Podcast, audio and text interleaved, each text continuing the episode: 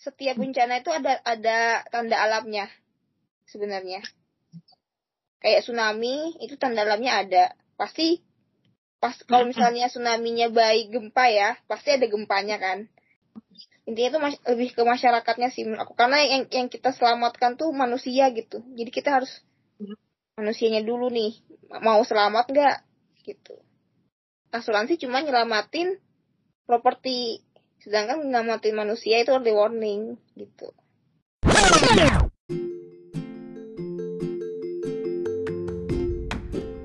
Selamat datang teman-teman, selamat datang kembali di podcast Salam Crispy. Silaturahmi sambil cari inspirasi. Yeay!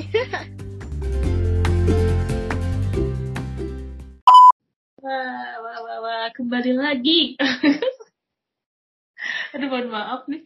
Iya, balik lagi nih di Salam Crispy season sekian. Entah nggak ada seasonnya sebenarnya cuman baru kita mulai lagi nih di tahun 2022 dengan narasumber pertama kita hari ini adalah teman aku yang sekarang lagi menempuh menempuh menempuh pendidikan S2 di London. Siapakah dia? Jeng jeng jeng. Boleh perkenalan dulu. Halo. Siapa Konsa? Teman-teman pendengar setia podcast Salam Crispy, mungkin yang udah tahu episode pertama, aku kembali hadir lagi di Salam Crispy podcast. Kenalin. Gimana kon? Kabar? Temennya Bile, namaku Konsa. Alhamdulillah sehat. Lagi lagi di mana nih kon kuliahnya? Nyambil jurusan apa? Sekarang lagi term 2 di University College London, jurusannya tentang Disaster and Resilience. Oh, apa tuh Disaster and Resilience? Sebenarnya overall terkait gimana kita nge-manage bencana di mana pun sih nggak harus. Kan kalau dulu aku eh, kebetulan S1-nya satu jurusan dengan Bile ya mungkin nih pendengarnya Nadif juga ya. Jadi kita saling tahu saja. Dulu belajar di S1 tentang ur, uh, perencanaan kota dan wilayah kan. Jadi di, kalau di sini mungkin irisan disaster dengan urban planningnya nggak terlalu banyak karena banyak uh, nyentuh ranah-ranah yang teknologi sosial terus ranah-ranah kebijakan juga. Jadi memang udah fokusnya ke disaster gitu. Gimana mitigasi, gimana recovery dan sebagainya. Oke oke. Itu kenapa kons kamu tertarik buat belajar kebencanaan? Setelah dari plano, apakah emang ada trigger sesuatu kah dari kampung halaman atau karena terinspirasi dari dosen pembimbing tercinta? Jadi tuh awalnya kan dari tingkat akhir ya waktu S1. Itu waktu kita semua lagi sibuk mau pilih apa nih topiknya untuk uh, skripsi lah terus akhir. Nah, uh, waktu itu aku kan ditawarin sama dosen pembimbingku untuk ikut proyek beliau terkait banjir di Makassar. Kebetulan sebenarnya aku emang uh, suka sih sama disaster waktu ngambil mata kuliah pilihannya. Karena karena itu uh, paling beririsan sama sains hitungan ya kan? Bila ngambil asben kan ya? Iya. Yeah. ya kan? Ada hitungan hitungan itu. uh, apa? Time estimated time arrival tsunami-nya terus evakuasi time-nya. Sedangkan aku emang anaknya nggak sosial banget sebetulnya. Jadi aku cari yang beririsan dengan hitung-hitungan gitu nah terus sebenarnya aku galau juga karena kan sebenarnya kalau kita ngambil tugas akhir itu bisa jadi gerbang kita ntar kerja di mana kan? Karena udah jadi spesialisasi sebenarnya. Nah terus aku tuh awalnya galau mau disaster atau mau community development. Kayak pak hmm. bagus Furkon yang kayak gitu. Mau yang desa-desa atau mau yang bencana. Sebenarnya galau itu. Habis itu aku isi horor tuh. Kayak isi horor habis itu kayak abis istihara aku uh, baca Quran. Terus pas mau baca Quran tuh entah kenapa dapet ayat yang terkait bencana. Hmm. Jadi isi aku lupa uh, ayatnya apa. Cuma artinya tidak ada suatu bencana pun yang uh, diciptakan melainkan untuk menguji manusia gitu kalau nggak salah ayatnya kayak gitu. Jadi apa kayak apa ini ini ya apa ke jawaban. Ya jawaban Allah cara Allah menunjukkan bahwa kamu pilih ini aja karena kalau kamu pilih ini entah kenapa dalam di dalam pikiranku aku kalau pilih ini bakal bisa menyelamatkan banyak orang gitu. Jadi hmm. jalan hmm. menyelamatkan banyak manusia untuk untuk membantu orang-orang yang dapat kerugian setelah bencana kayak gitu. Akhirnya aku ambillah itu. Jadi aku cari topik juga yang kira-kira aku bisa terus uh, bekerja di ranah itu dengan uh, apa ya dengan referensi bahwa oh ini ini aku harus kerjakan karena kalau enggak aku nggak bisa nyelamatin manusia gitu lah intinya. Jadi hmm. hal-hal yang jadi bensinnya istilahnya. Sungguh mulia Asri Hastari. Sungguh mulia Asri Hastari. Kalau kamu dengar ini tolong. Meanwhile aku tuh kemarin kalau TA ya, ya ambil aja lah yang kira-kira gampang. Terus milih dosen pembimbing yang memang ya soleh. aku fans kan ya aku idolakan gitu dari semester satu. Oke okay, baik kan.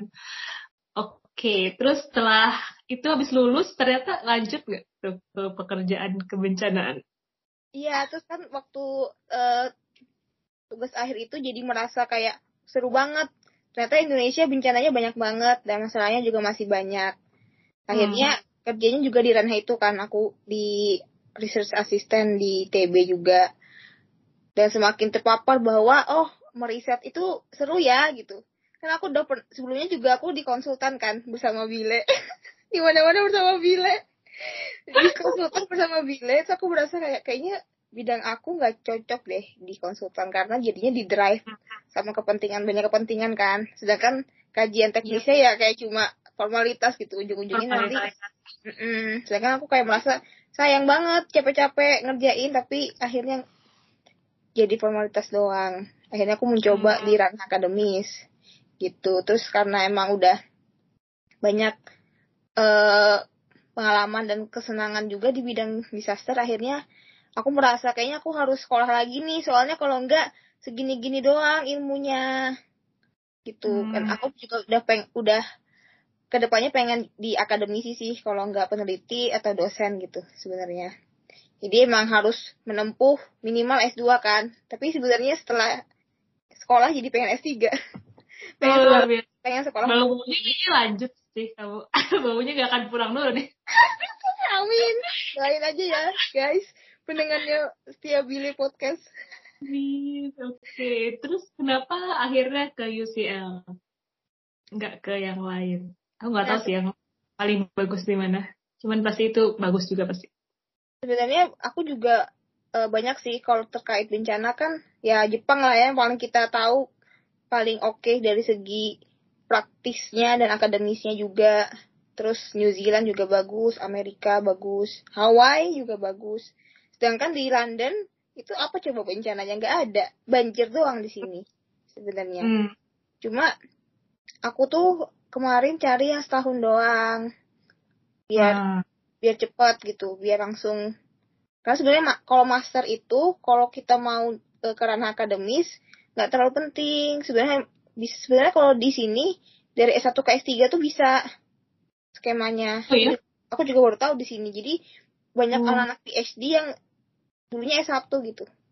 Dia nggak ngambil S2 karena S2 tuh sebenarnya buat buat ini apa profesional jadi yang mau meningkatkan hmm. karir di kayak konsultan gitu S2. Tapi kalau kamu mau akademisi mending langsung S3 gitu. Jadi sebenarnya S2 setahun juga udah cukup sih. Kalau kalau misalnya mau akademis langsung S3 aja gitu. Nah, terus sama di London tuh sebenarnya environment akademiknya bagus karena dia diverse kan. Ketemu banyak orang dan dia bahasa utamanya bahasa Inggris, which is itu mempermudahku dalam berinteraksi. Kan kalau di Jepang nanti aku jadi nani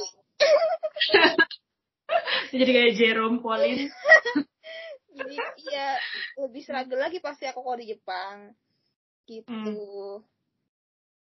Ya, yeah. kan UCL okay. sebenarnya jurusannya juga cuma yang khusus-khusus disaster gitu nggak banyak sih.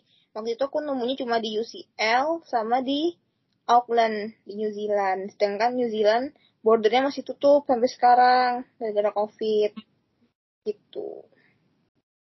Jadi kamu cari yang udah buka aja lah ya biar bisa sana sekalian. Tapi kalau New Zealand tuh jadi online gitu ya kuliah?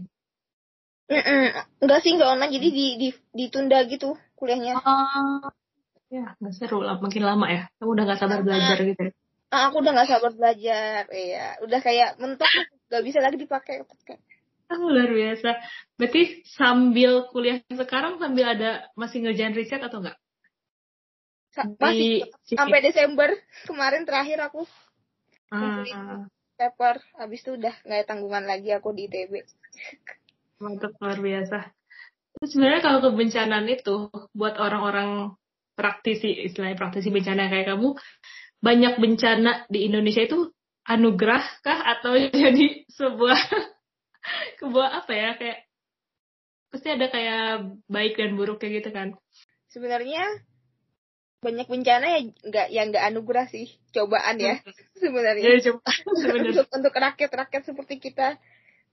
Tapi praktisi bencana nggak harus ngerjain bencana di satu negara kan sebetulnya. Karena hmm. banyak banget konsepsi yang bisa kita terapkan di beberapa negara gitu. Jadi sebenarnya uh, ada beruntungnya juga aku dari Indonesia karena ketika di kelas mereka kan yang dari Indonesia waktu itu yang angkatanku cuma dua orang. Jadi ketika ngobrolin bencana tuh semuanya ada, ada di Indonesia, jadi aku bisa relate gitu sebenarnya dengan apa yang diomongkan sama mereka. Itu good side-nya ya dari Indonesia yang banyak bencana. Gitu. Kalau dark side-nya mah banyak ya sebenarnya. Iya gitu. benar-benar bahkan kan nggak semua nggak semua orang tahu tsunami itu kayak gimana gitu. Semua orang tahu oh. Orang cuma tahu tsunami itu karena gempa bawah laut. Padahal tsunami di Indonesia ada yang karena letusan gunung di dalam laut ada yang karena longsor. Terus hmm. banjir juga orang taunya banjir. Banjir karena sungai meluap.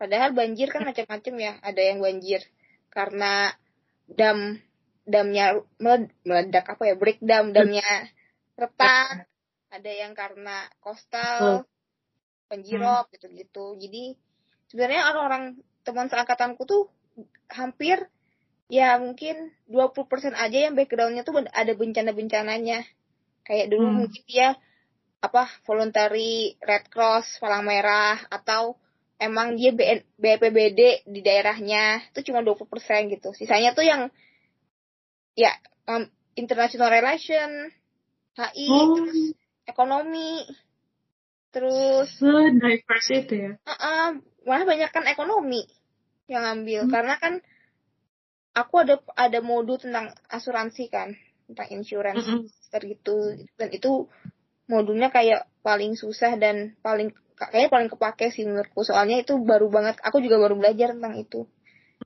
kayak gitu.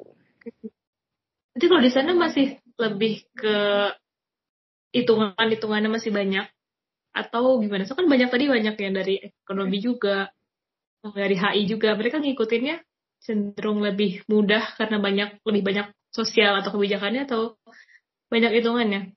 Jadi kalau aku kan ada compulsory modulnya, modul wajib sama yang elektif kan, yang pilihan. Jadi hmm. yang wajib tuh kayak pengertian basic-basic kayak apa? Kalau kita di ASBN tuh kerentanan, kapasitas yang gitu-gitu kan bagi mereka yang backgroundnya HI sama ekonomi mah belum tahu itu apa kan sedangkan kita sebenarnya aku misalnya yang udah berkutat di bidang itu udah kayak tau lah mesti jadi bisa lebih nangkep nah terus ada juga kalau yang hitung-hitungan yang basic kayak ngitung risk ngitung risiko hmm. ngitung kerugian gitu ada ngitung hmm. apa e, kalau misal asuransi itu limitnya berapa supaya dia dapat apa ya dapat apa sih ya, ya? itunya. Apa sih namanya? Uh, bukan depresi ya, klaim bisa nggak klaim ya klaim ya. bisa ke klaim kayak gitu. Hmm, ada juga pilihan-pilihan. Nah, aku tuh kebetulan ngambil pilihannya yang ngide-ngide gitu loh yang nyusahin sendiri apa tuh? aku ngambil, ngambil digital public health. Jadi aku Hmm, nge ini peduli lindungi. Bukan. kayak Apa apa tuh kayak apa? Kayak Kayak- aplikasi peduli. Ya, kayak surveillance pandemi, ngemet Ah. ngepetain transmisi influenza. Terus kemarin aku Aedes aegypti di Brazil proyeknya ngelihat apa? Kayak hotspot hotspot nyamuk gitu. Kayaknya nyambung banget dari aku plano terus ngurusin influenza sama ngurusin nyamuk gitu. Itu modul modul pertama aku pilihan. Modul pilihan kedua aku ngambil tentang business continuity. Jadi gimana Hmm. daerah misal company besar atau daerah daerah small medium enterprise kalau kena bencana gimana bangkitnya gitu. Bangkit dari Hmm.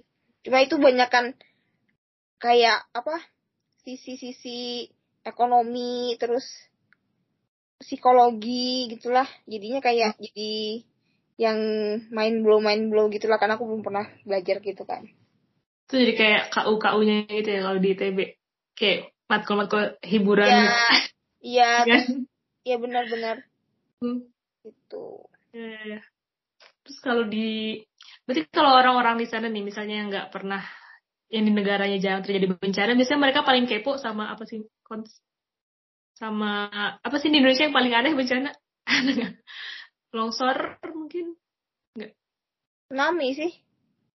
Kenapa ya? tsunami itu Tapi nggak ada orang soalnya Eropa tuh yang tsunami baru Oh, apa ya? Yunani kemarin kan? 2020 hmm, itu. Kalau gempa mereka di Italia ada gempa. Mm-mm. kalau banjir semua orang pernah banjir ya. Ah, nah yang aku nggak terlalu tahu tuh di sini tuh sering ini hurricane Ah, Aku ya, ya, nggak- ya. nggak pernah tahu kalau di Indonesia kan di, baru baru terkenal di NTT itu kan yang cyclone cyclone itu Oh, ya. Nah, di sini tuh mereka eh, banyak tahu lah tentang hurricane karena karena kalau kalau udah winter gitu tuh udah sering gitu hurricane. Emang sering di Indonesia kan angin puyuh, angin puyuh itu yang sering Iya, terbang iya bener. genteng Di Bandung yang tiba-tiba mobil ambruk.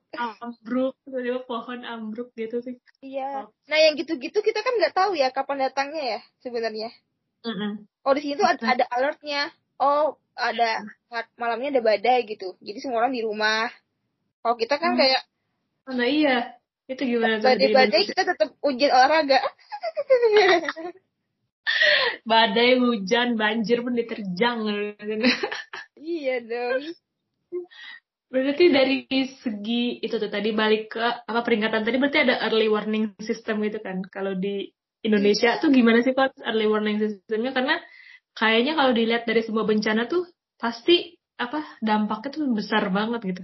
Sebenarnya apa yang kurang dari Indonesia kayak udah banyak pengalaman, udah banyak bencana di, di mana-mana tapi masih apa sih yang salah gitu dari kebencanaan Indonesia. Pas banget nih, aku ngambil disertasi tentang early warning. Nah, coba boleh diceritakan sedikit. Jadi kalau early warning kan sebenarnya banyak ya eh, Hmm. aspeknya. Kan dia sebenarnya konsepnya end to end gitu dari hulu ke hilir. Mm. Hulunya tuh si monitoring, forecasting, Hmm. terus hulu interface tuh kayak tengah-tengahnya itu eh, alur informasinya. Jadi dari forecasting tuh nanti kan dia disampaikan ke pemerintah, ke media.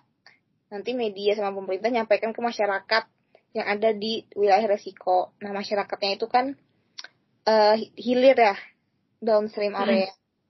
Nah, sebenarnya itu banyak cross cutting isu gitu sih. Gimana sebenarnya dari segi alat monitoring sama forecastingnya udah memadai belum sih? Udah akurat belum sih gitu. Terus nanti sampai ke pemerintah sama media, pemerintah sama media ngebungkusnya gimana? Apakah cuma sebagai informasi bahwa oh ini akan ada hujan nih, tapi nggak disuruh evakuasi. Misal oh ada hujan, tapi kayak masyarakat oh ya udah hujan terus terus hujan dengan curah segini kita emang kebayang kalau curah segini gimana hujannya gitu. Kalau pemerintah Hmm. bilang oh eh, berpotensi banjir daerah A B C D, oh kita tahu daerah kita banjir nggak ya gitu. Kita mesti ngangkat-ngangkat kulkas ke lantai tiga nggak ya gitu. Sebenarnya apakah diterima apakah pemerintah sama media itu bisa nge-package informasi itu sehingga masyarakat bisa melakukan action protektif gitu, protective action. Nah, terus Mm-mm. masyarakatnya juga sebenarnya kalau udah tahu gitu mau nggak sih dia evakuasi gitu. Kadang kan orang-orang banjir nggak mau evakuasi soalnya kalau ditinggal rumahnya perampokan katanya, ya kan? Ada itu benar-benar itu problem juga sih di kita ya. Iya. Benar-benar. kadang misal aku nggak mau evakuasi karena eh nggak ada nggak ada dia pengennya evakuasi ke rumah keluarga sedangkan misal nggak ada keluarga di situ gitu yang gitu-gitu Hmm. dari segi culture sosialnya sebenarnya kompleks banget sih si early warning ini jadi nggak nggak cuma masalah teknologi tapi masalah birokrasi masalah sosial tuh. Kayak gitu. Kan jadinya kan kalau yang kita lihat ya benar tadi cara media menyampaikan kayak banyak kan di berita-berita misalnya curah hujan bla bla bla. Tapi ya udah cuma sampai situ aja kayak curah hujan segini hari ini hujan atau tidak gitu gitu kan. Tapi orang-orang nggak di nggak dipersiapkan itu terus apa gitu. Kalau hujan hari ini terus apa? Hujan Iya, hari kan ini terus kadang- apa gitu. Padahal mungkin hujannya hujannya biasa, tapi ternyata eh, ki- kita angin gitu kan selokan ya angin atau selokan kita mampet ya banjir gitu. Padahal Iya, kita kita kayak ini kayaknya hujannya sans lah ya gitu. Ternyata malah sungainya meluap gitu misal. Iya benar. Terus biasanya kayak gitu juga gunung meletus gitu kan. Gunung meletus ada pantauan-pantauan, tapi kayak orang-orang masih sampai belum mereka melihat itu awan wedus gembel berjalan, mereka nggak akan Iya. turun. Apalagi kalau gunung meletus, alatnya tuh nggak in order gitu, nggak berurutan. Jadi misal dia apa pertama tuh pas siaga ya, siaga. Tiba-tiba bisa awas, nggak nggak Ah. waspada dulu. Makanya yang Oke. kemarin tuh apa yang meletus terakhir tuh Lumajang ya. Merapi, Merapi ya, Merbabu. Merbabu ya, yang eh, bulan Iya deh November, itu. Desember ke Iya. November gitu. Hmm. Itu kan dia dari alert satu ke langsung ketiga kan, Eh, karena Semeru. Semeru, iya ya Semeru. itu Kayak antara gunung-gunung yang bisa di, biasa dipanjat. oh iya bener Semeru. iya. Iya ya. Jadi sebenarnya alatnya udah ada, cuma kadang kayak gak dipersiapkan aja untuk melakukan sesuatu gitu. Misal kita udah tahu a- eh, alat tiga tuh bahaya, terus kita harus ngapain? Orang-orang mungkin, apalagi mungkin orang-orang yang orang-orang turis atau apa atau masyarakat pendatang. Emang kalau alat waspada kita harus ngapain gitu? Emang orang-orang tahu? Taunya mungkin yang tanda alam itu bil orang-orang lokal tuh biasanya.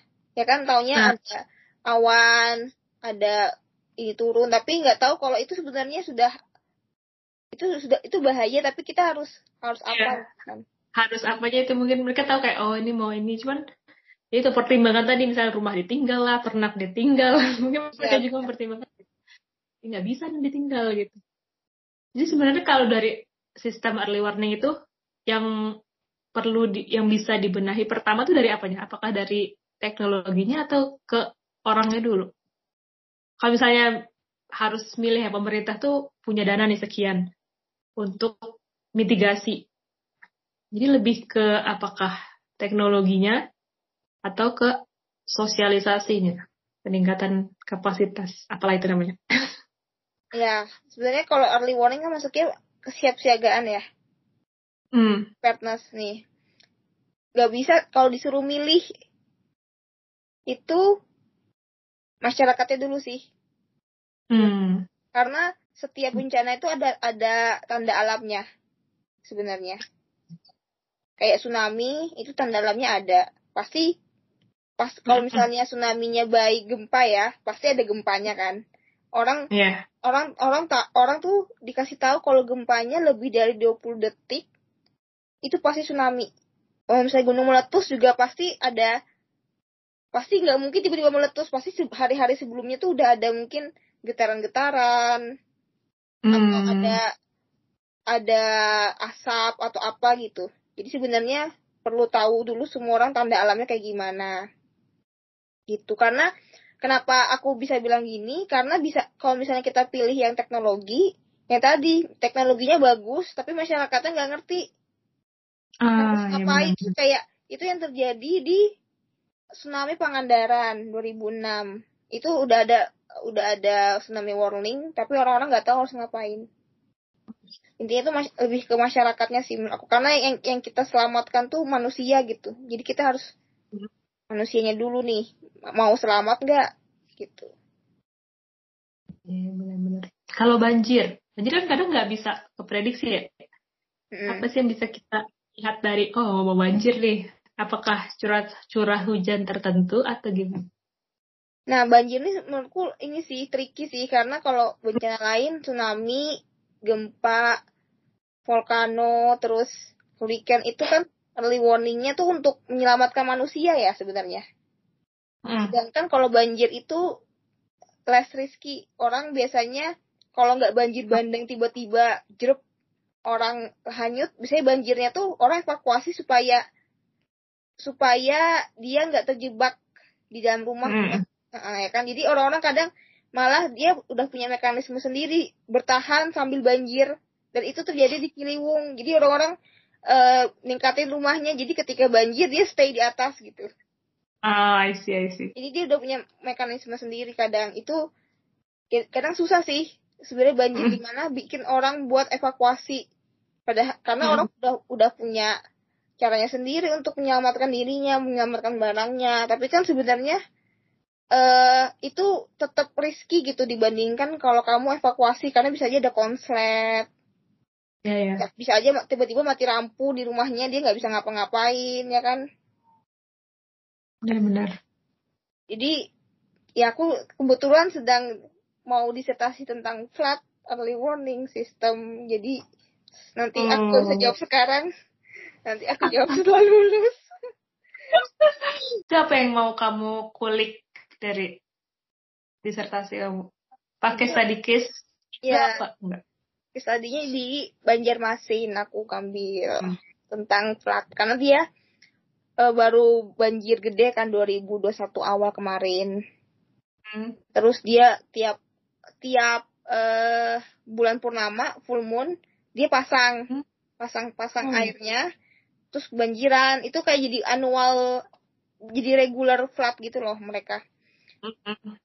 gitu terus aku pengen lihat sebenarnya aku kan jadinya kayak pakai statistik gitu loh namanya logistic hmm. regression jadi ngelihat kalau orang evakuasi itu faktornya apa aja yang mempengaruhi mereka. Jadi aku ada set questionnaire gitu eh, hmm. eh, apa age, gender, terus income, terus eh, mereka tahu nggak ada shelter, tahu eh, evacuation map enggak apa, terus tahu risk mapnya atau enggak gitu.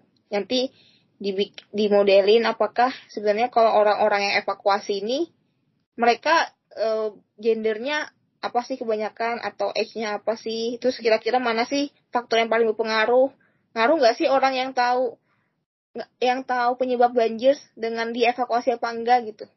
Gitu gitunya selain EWS itu sekarang kalau yang paling seru deh belajar tentang kebencanaan yang baru kamu tahu yang enggak ada pas asben atau pas riset kamu sebelumnya?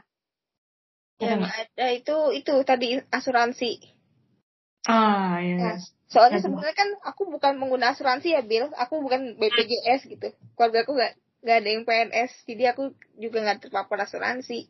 Tapi ternyata ini kalau konteksnya asuransi bencana ya. Hmm. Kan kalau ngelihat dari Jepang kemarin yang 2011 tsunami itu, itu kan kerusakannya gede banget tuh. Cuma hmm. di kenapa cepet banget bangkitnya? Recovery-nya karena asuransinya bagus. Hmm. Jadi pemerintah juga nggak nggak sanggup waktu itu ngabalikin yang damage sama loss-nya itu. Cuma asuransinya yang jalan. Jadi asuransi itu kayak penetrasi swasta untuk recovery mereka gitu.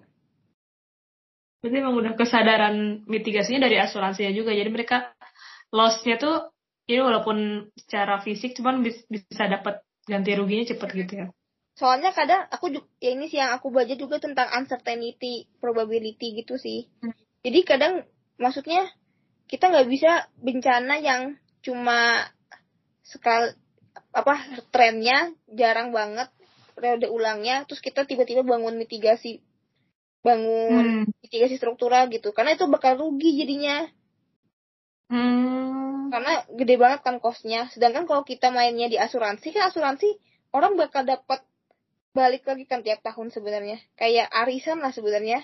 Jadi kalau misalnya yeah. ada yang ada ya kalau ada yang kena dapat untung. Kalau enggak ya kita dapat juga premi kita kayak biasa gitu. Ya aku aku nggak hmm. tahu sih dari segi Islam gimana ya. Karena kan kalau apa kalau Islam kan namanya apa takaful tapakul ya. Yang saling menolong itu sifat ya itu aku nggak tahu tuh kalau asuransi properti gitu juga apa enggak cuma jadinya uangnya diputar kan kalau misal kita asuransi. Jadi ketika ada yang kena itu kita nggak perlu ngeluarin uang banyak. Hmm. kan kenanya tuh cuma sekali dua kali gitu. Hmm. misal kayak gempa gempa kan nggak terjadi setiap tahun kan di suatu daerah nih. Gak mungkin misal Jogja tiap tahun gempa hmm. ya misalnya Jogja tiap tahun tsunami ya bener lah dikasih seawall gitu misal hmm.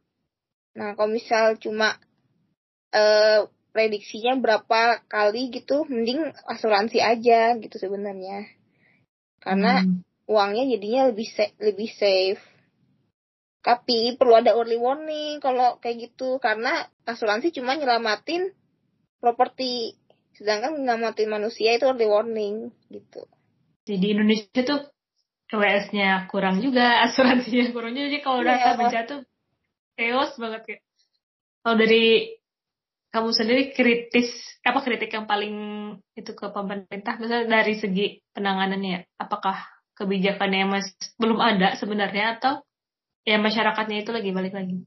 Gimana ya? Sebenarnya Indonesia tuh udah udah cukup banyak pengalaman ya. Tapi mungkin kurang ini aja sih kurang masif effortnya effort itu udah ada ah. sebenarnya aku udah sering lihat effort effort BNPB, effort lain, cuma tuh kurang gitu. Mm-hmm. Masih masih banyak banget PR-nya, jadi masih perlu orang-orang yang konsen di situ, dana-dana riset dan pembangunan masih harus dikeluarkan lagi. Ya, yes. kamu kan nanti the next ininya nih, the next researcher. Amin. bisa apa ya membangkit membangkitkan kesadaran pemerintah untuk lebih apa ya aware sama keselamatan ya. bangsa ya. negara. Masalahnya daripada ya. uangnya buat IKN ya. Iya. Kenapa nggak buat itu buat riset bencana atau buat perbaikan early warning? Terus daripada uangnya hmm. buat bikin jalan di Toba, bypass Toba. Paling Toba, ya bener sih. Iya sih, bener kayak berita masih kurang prioritas apa prioritas skala prioritasnya masih belum tepat gitu kan. Kalau dari tadi karena nyenggol-nyenggol sedikit IKN, mungkin nggak ada potensi bencana yang baru di Kalimantan Timur dengan pembangunan IKN. IKN tuh ada ini, ada masuk zona gempa kok. Sebenarnya. Hmm. Cuma gempanya nggak gempa yang yang kayak selatan Jawa gitu. Tapi sebenarnya dia ada potensi yang kita nggak tahu kapan kan gempa nggak bisa diprediksi kan. Iya. Yeah. Hmm. Banjir juga daerah situ. Karena kan daerah tambang, sawit. Ah, ya betul. betul. banjir. Berarti kalau ada harapan atau pesan-pesan buat kebencanaan Indonesia atau dengan belajar kamu lebih belajar tentang kebencanaan jauh-jauh sampai ke sana negara yang bahkan nggak punya bencana gitu. Apa sih harapan kamu kan buat nanti balik lagi? Balik lagi nggak? Atau nggak? Kamu mau buat forever dengan balik lagi atau enggak di ya? iya jadi kok nanti nggak ada di nggak ada di podcast ini. Kalau mau tahu ya silahkan klik. Oke mungkin harapan atau dari ya harapan Fonsa sebagai praktisi bencanaan yang mungkin jarang-jarang ya orang berpikir buat belajar kebencanaan, tertarik sama kebencanaan gitu, buat ngulik lebih jauh. Pasti harapannya kan setelah lulus, setelah nanti jadi profesional. Harapannya adalah semua orang aware kali ya. Maksudnya kadang pemerintah juga udah effort tapi masyarakatnya nggak peduli gitu. Masyarakatnya hmm. banyak yang meninggal bencana nanti yang disalahin pemerintah. Nah, iya. iya. Sebenarnya kayak uh, membumikan lah sebenarnya bencana ini tuh ada di sekitar kita semua gimana caranya kita sadar kita mau belajar tapi ya nggak usah belajar belajar akademis banget tapi minimal kita bisa nyelamatin diri kita sendiri atau nyelamatin keluarga gitu dan hmm. ya sebenarnya kalau kita di Islam kan sebagai pengingat juga ya kalau banyak bencana berarti harus banyak introspeksi ya kan ya. Jadi gitu deh teman-teman. Biar kita sering istighfar dan hilaf. Eh dan hilaf istighfar dan ingat hilaf gitu. Iya subhanallah. Masya Allah luar biasa. Ya sih benar. Oke, oke. Mungkin ada pesan-pesan terakhir buat orang-orang di daerah bencana atau untuk pemerintah? Apa yang perlu dilakukan kalau ada bencana atau ya kita tahu nih misalnya kita tinggal di daerah rawan bencana atau dekat rawan bencana misalnya kan keluarga kita atau yang saudara-saudara gitu di sana yang perlu disampaikan pada mereka mungkin ini sih sebenarnya kalau kita ngelihat COVID kan juga bencana ya, bencana kesehatan. Hmm. Jadi yang sekarang lagi in banget kan itu ya bencananya. Betul. Ya mungkin pesannya kepada pemerintah adalah ketika ada dilema ekonomi dan menyelamatkan nyawa, ya kenapa ada dilema itu? Yang jelas-jelas kita harus menyelamatkan nyawa gitu. Wow, tepuk tangan, tepuk tangan. Jadi ya, efeknya. Iya benar. People first lah.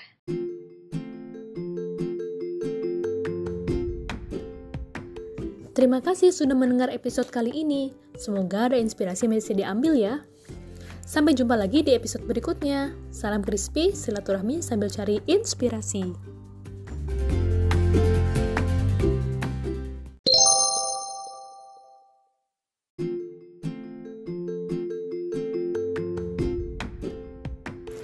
Episode kali ini merupakan kelanjutan dari episode sebelumnya bersama Fitrah dan Zaki dari Plenty Research Institute. Selamat mendengarkan.